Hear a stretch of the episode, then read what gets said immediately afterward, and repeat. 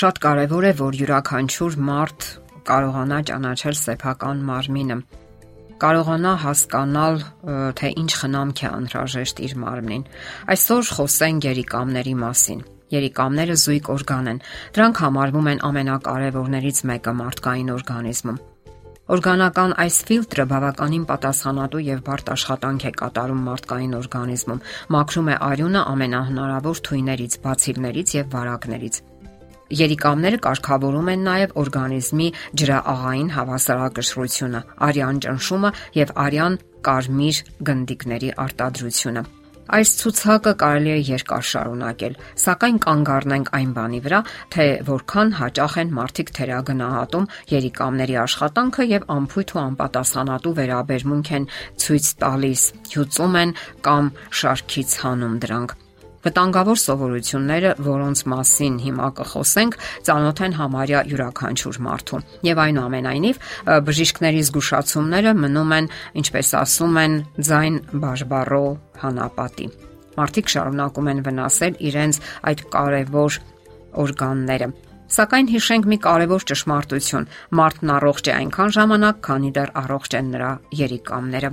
Վաղուց եւ շատ անգամ ապացուցվել է ալկոհոլի եւ ծխախոտի վտանգավոր ազդեցությունը ողջ օրգանիզմի վրա։ Սրանք ազդում են նաեւ երիկամների վրա, վատթարացնում նրանց աշխատանքը։ Այդ կարևոր օրգանները չեն կարողանում միանգամից վնասազերծել մեծ քանակի եւ կանոնավոր կերպով օրգանիզմ մտնող ողջ թույները։ Այդ միայն ապակողմնորոշող ֆիլմերում է, որ հերոսները գեղեցիկ կերպով խմում եւ ծխում են, ընթացքում էլ կռվում եւ հաղթում բոլորին։ Իսկ իրականում նրանք միայն դանդաղ քայքայում են իրենց երիկամները եւ սպանում իրենք իրենց։ Ամեն անգամ, երբ ձերքներդ եք վերցնում հերթական ծխախոտը կամ գարեջրի գավաթը, մտածեք այդ ամենի մասին։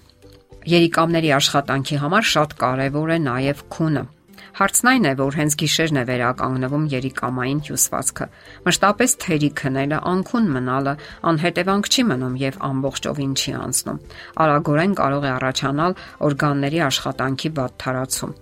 Մոռացեք հետեւյալ անհեթեթ արտահայտությունը հունը թույլիկների համար է։ Իսկ շատերն էլ պարծենում են, թե շատ քիչ են քնում եւ միանգամայն առողջ են։ Պարզվում է, որ հետևանքները երկար սпасեցնել չեն տալիս։ Իսկ ինչ կարելի ասել կոֆեինի մասին։ Ահա եւս մի դանդաղ ներգործող թույն։ Կոֆեինը գտնվում է սուրճի եւ տարբեր ոչ ալկոհոլային խմիչքների մեջ։ Սա երկակի վնաս է հասցնում օրգանիզմին եւ երիկամներին հատկապես։ Նախ մարդը չի կարողանում քնել եւ հետո ունենալով ուժեղ մի զամուխ հատկություն,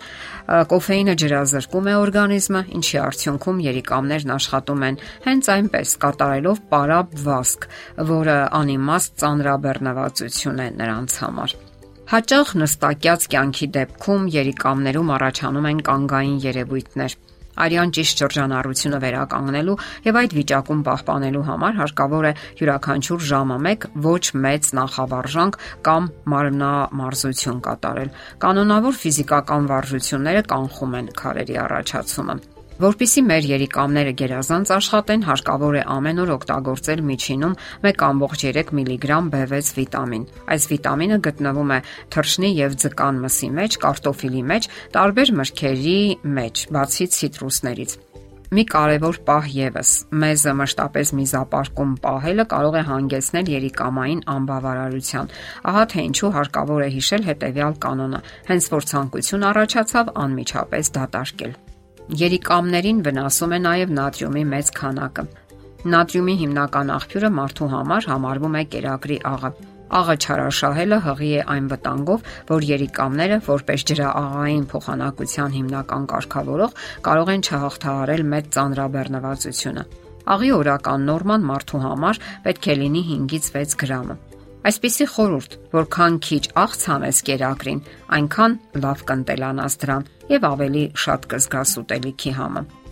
Խոսենք նաև անմտածված դիետաների կամ սննդակարգերի մասին։ Այն դիետաները, որոնք այրում են օրգանիզմի ողջ ճարպը, ըստ էության մերկացնում են երիկամները եւ դրանք զրկում պաշտպանությունից։ Արդյունքում երիկամները կրկնակի հարված են ստանում Մի կողմից ֆիլտրում են արյունը խախտված հավասարակշռությամբ, իսկ մյուս կողմից նույնիսկ չեն ստանում իրենց համար կարևոր նյութերը։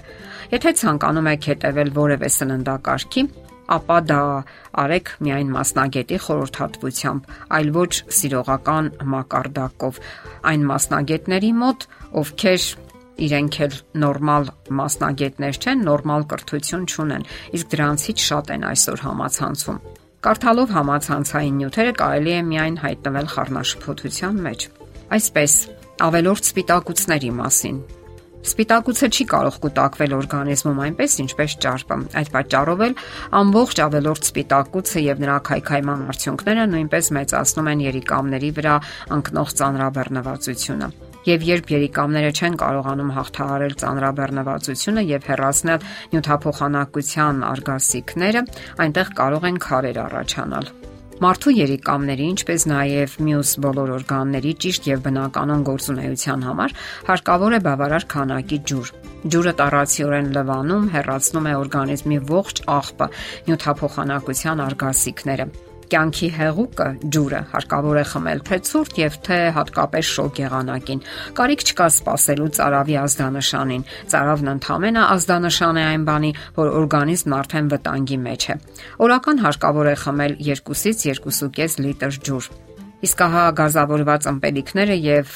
այլ հեղուկները չեն կարող ջուր համարվել։ Դե ի՞նչ, խնայեք եւ պահպանեք ձեր այդ շատ կարևոր օրգանները, երիկամները։ Եթերում առողջ ապրելակերպ հաղորդաշարներ։